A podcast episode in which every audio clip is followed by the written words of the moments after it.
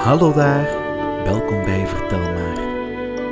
Het verhaal dat we je nu gaan vertellen is. Goudlokje en de drie beren. Er was eens een klein meisje dat zulk mooi blond haar had dat iedereen haar Goudlokje noemde. Op een dag liep ze door het bos toen ze bij een klein huisje kwam. Ze klopte op de deur en toen er niemand antwoord gaf, ging ze naar binnen. In dit huisje woonde een berenfamilie. Er was een heel grote beer, een iets minder grote beer en een kleine kleuterbeer. De heel grote beer had pap gemaakt die hij in drie kommen had geschept. Een grote kom, een iets minder grote kom en een klein kommetje voor de kleuterbeer. De pap was te heet om te kunnen eten en daarom hadden de beren besloten even een wandelingetje te maken, zodat de pap kon afkoelen. Toen Goudlokje de drie dampende kommen op de tafel zag staan, met daarin de heerlijk uitziende pap, begon haar maag te knorren. Alleen maar een klein hapje om te proeven. Dacht ze. Er is hier toch niemand en ik weet zeker dat ze het niet erg zullen vinden. En dus nam ze een lepel vol pap uit de grote kom, Veel te zout! riep ze vol afschuw uit. Toen probeerde ze een lepel pap uit de iets minder grote kom, Veel te zoet! vond ze. Ten slotte proefde ze van de pap uit het kleine kommetje. Precies goed! zei ze blij en at het hele schaaltje leeg. Nu merkte Goudlokje dat ze een beetje slaperig was. Naast de tafel stonden drie stoelen: een grote, een iets minder grote en een kleintje. Ze ging in de grote stoel zitten, Veel te hoog! vond ze, en ze sprong eruit. Toen probeerde ze de iets minder grote stoel uit, Veel te laag! zei ze. Ten slotte probeerde ze het kleine stoeltje uit. Precies goed! zei ze blij en ging lekker zitten. Maar ze was eigenlijk veel te groot voor die kleuterstoel.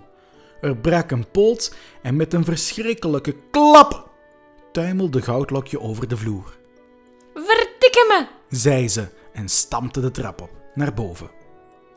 In de slaapkamer zag ze drie bedden staan. Een groot bed, een iets minder groot bed en een klein bedje.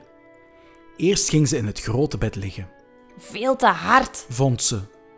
Toen probeerde ze het iets minder grote bed, Veel te zacht! riep ze uit.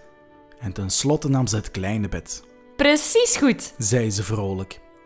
Ze ging lekker liggen, trok de dekens hoog op en was al snel in een diepe slaap. Intussen waren de drie beren teruggekomen van hun wandeling en waren ze klaar voor hun pap. De heel grote beer keek als eerste naar zijn kom en zei met een heel boze stem: Er heeft iemand van mijn pap gegeten. Toen keek de iets minder grote beer naar haar kom en zei met haar iets minder luide stem: Er heeft ook iemand van mijn pap gegeten. Als laatste keek de kleine kleuterbeer naar zijn kommetje en zei met zijn kleuterstemmetje: Er heeft ook iemand van mijn pap gegeten. En kijk nou, alles is op. Toen keek de heel grote beer naar zijn stoel en zei met zijn heel boze stem: Er heeft iemand in mijn stoel gezeten.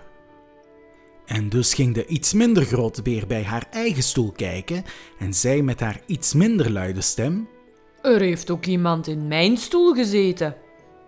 En dus ging de kleine kleuterbeer bij zijn stoeltje kijken en zei met zijn kleuterstemmetje: Er heeft ook iemand in mijn stoel gezeten.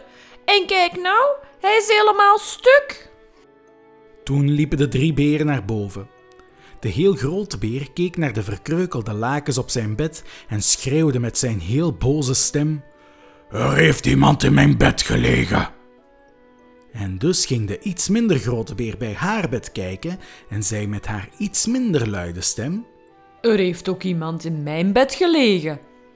De kleine kleuterbeer ging bij zijn bedje kijken en zei: Er heeft ook iemand in mijn bed gelegen. En kijk nou, ze ligt er nog steeds. Toen schrok Goudlokje wakker. Ze zag de drie boze beren en werd natuurlijk vreselijk bang.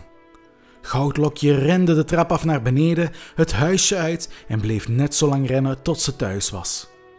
Dat was de allerlaatste keer dat ze van iemands pap proefde zonder het eerst netjes te vragen. Ben jij ook zo dol op de verhalen van Vertel Maar? Surf dan zeker naar onze website www.vertelmaar.be. Je kan ons ook volgen op Facebook en YouTube. Heb je een verzoekje? Stuur ons een mailtje verhaal@vertelmaar.be.